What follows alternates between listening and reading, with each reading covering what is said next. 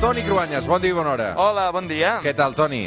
Home, bé, una setmaneta una mica calenta, no? La inhabilitació del Quim Torra, l'aniversari de l'1 d'octubre...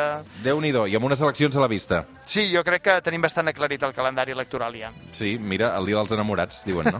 doncs vinga. serà una metàfora de tot plegat. Uh, avui, però, per sort, per sort no parlarem de política, avui marxem ben lluny. Primer han intercanviat retrets als governs d'Armènia i d'Azerbaidjan que es culpen mútuament d'haver reiniciat els atacs a la regió muntanyosa del Karabakh.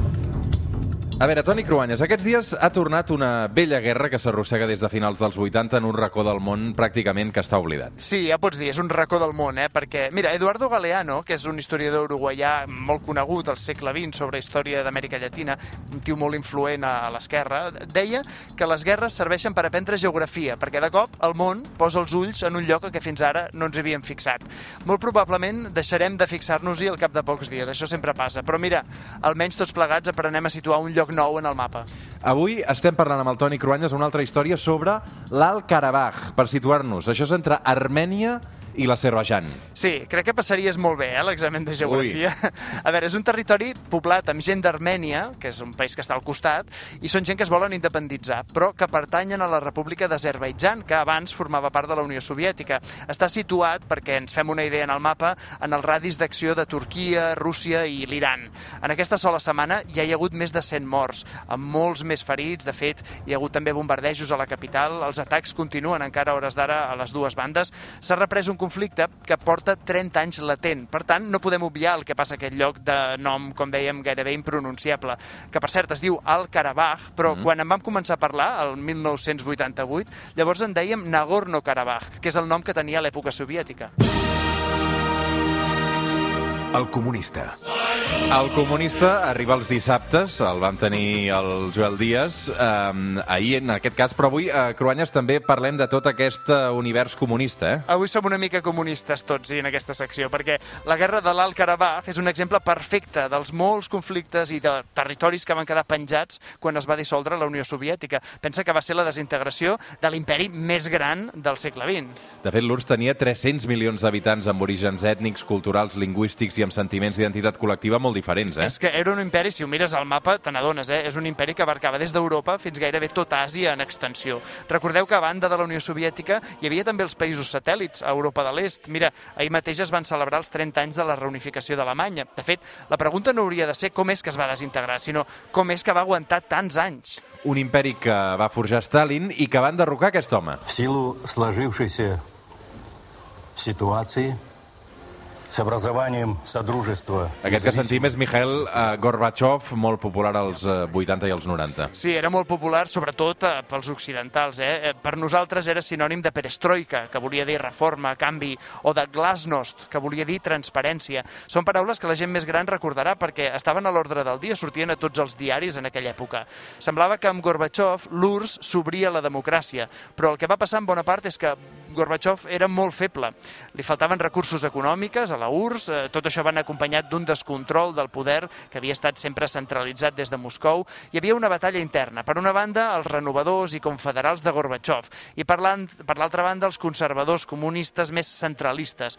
Això dins d'un partit comunista de la Unió Soviètica, però per cada república, a més a més, la debilitat aquesta de Moscou es va anar interpretant com un empoderament dels dirigents comunistes locals, que més es van anar fent forts a mesura que reprenien discursos nacionalistes propis de cadascun d'aquests països. Toni, això va fer que revifessin els sentiments nacionals de les repúbliques. Sí, mira, en casos com els països bàltics va ser immediat, perquè se sentien sotmesos per la força des de la Segona Guerra Mundial, però el desencadenant de la desintegració de la URSS no van ser les petites Estònia, Letònia i Lituània. Qui va rebel·lar-se contra la unitat de l'URSS va ser aquest home. Уважаемые члены Конгресса, Dame Gasparyan. Aquest és Boris Yeltsin, des del 89 president de la Federació Russa, però en poc temps eh, va ser més que això, eh? Sí, perquè en un any, el 12 de juny de 1990, va declarar la sobirania del seu territori, la independència de Rússia, de la URSS, vaja. En el fons, Yeltsin, des de fora del Politburó, des de fora de les estructures del Partit Comunista Soviètic, va accelerar les reformes que havien de portar el país cap a un sistema de lliure mercat i, i d'una certa democràcia a l'estil occidental. Yeltsin va guanyar el pols a Gorbachev Gorbachev, amb un cop d'estat dels més conservadors inclòs. Va ser un cop fallit, però que va deixar cau a Gorbachev. I Yeltsin no només es va fer amb el poder a Moscou, sinó que va afavorir la desintegració de la URSS, que va acabar dividida en els actuals països independents. Clar, si la gran Rússia es desentenia de la Unió Soviètica, com no n'havien de marxar els països més petits o amb una identitat pròpia més marcada, des de Geòrgia fins a Moldàvia o Armènia? De fet, encara avui eh, hi ha països que viuen grans conflictes interns, com per exemple Ucraïna o Bielorússia, que surten pràcticament eh, cada dia al TN, Toni. Totalment, claríssimament. En aquell moment únic, històric, en què l'imperi estava tan afablit, alguns països van caure ràpidament, alguns del costat occidental, com les repúbliques bàltiques, que avui ja formen part de la Unió Europea. Altres van mantenir la manera de fer de l'època soviètica i encara tenen grans dependències econòmiques i polítiques de Moscou. Toni, de fet, Vladimir Putin ha tornat a exercir un lideratge indiscutible, gairebé com el dels temps dels zars o dels primers líders de la URSS, no? Totalment, i i el nacionalisme rus avui intenta jugar el paper de gran potència dels anys de la Guerra Freda. El comunisme stalinista ha estat substituït per aquest nacionalisme rus i la voluntat d'expansió segueix, des de Sibèria i l'Àrtic, per exemple, on busquen recursos naturals, fins a conflictes oberts i importants en el món, com el conflicte de Síria, on l'exèrcit rus juga un paper propi de la segona meitat del segle XX.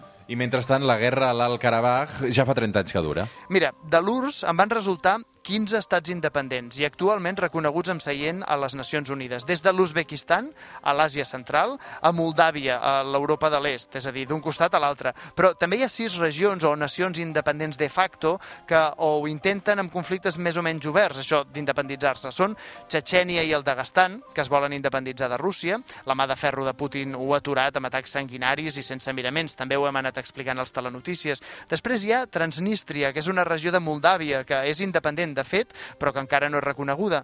I també hi ha Abkhàzia o Ossètia del Sud, a Geòrgia, en una situació similar. I a l'Azerbaijan, aquesta regió que comentàvem, l'Alt Karabakh. Sí, tot i estar governada pels independentistes des de fa 30 anys i comptar amb el suport d'Armènia i també d'alguns països en què els armenis tenen influència, la realitat és que l'Alt Karabakh no fa pinta de poder ser independent en el futur immediat.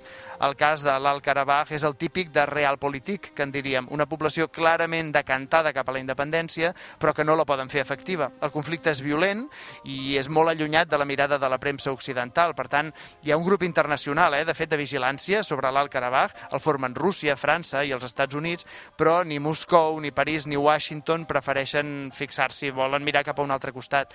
Un dia podem parlar d'aquest cinisme eh, dels grans països respecte de conflictes a llocs on no hi ha petroli, on no hi tenen interessos, però vaja, això ja seria una altra història. Oscar, umi aşkar Avui, Toni Cruanyes, arribarem a les 9 del matí amb la música que es pot escoltar si viatgem a Armènia. Aquests són els Arsen i, ui, no, no m'atreveixo a pronunciar, el, el penjarem a la xarxa perquè, perquè serà una mica més fàcil, o si, si em vols proposar tu la cançó, em, sembla, em sembla fantàstic que ho escoltem. No em facis dir el nom, tampoc. no et faci el nom. Una abraçada, Toni Que Cruanyes. vagi bé.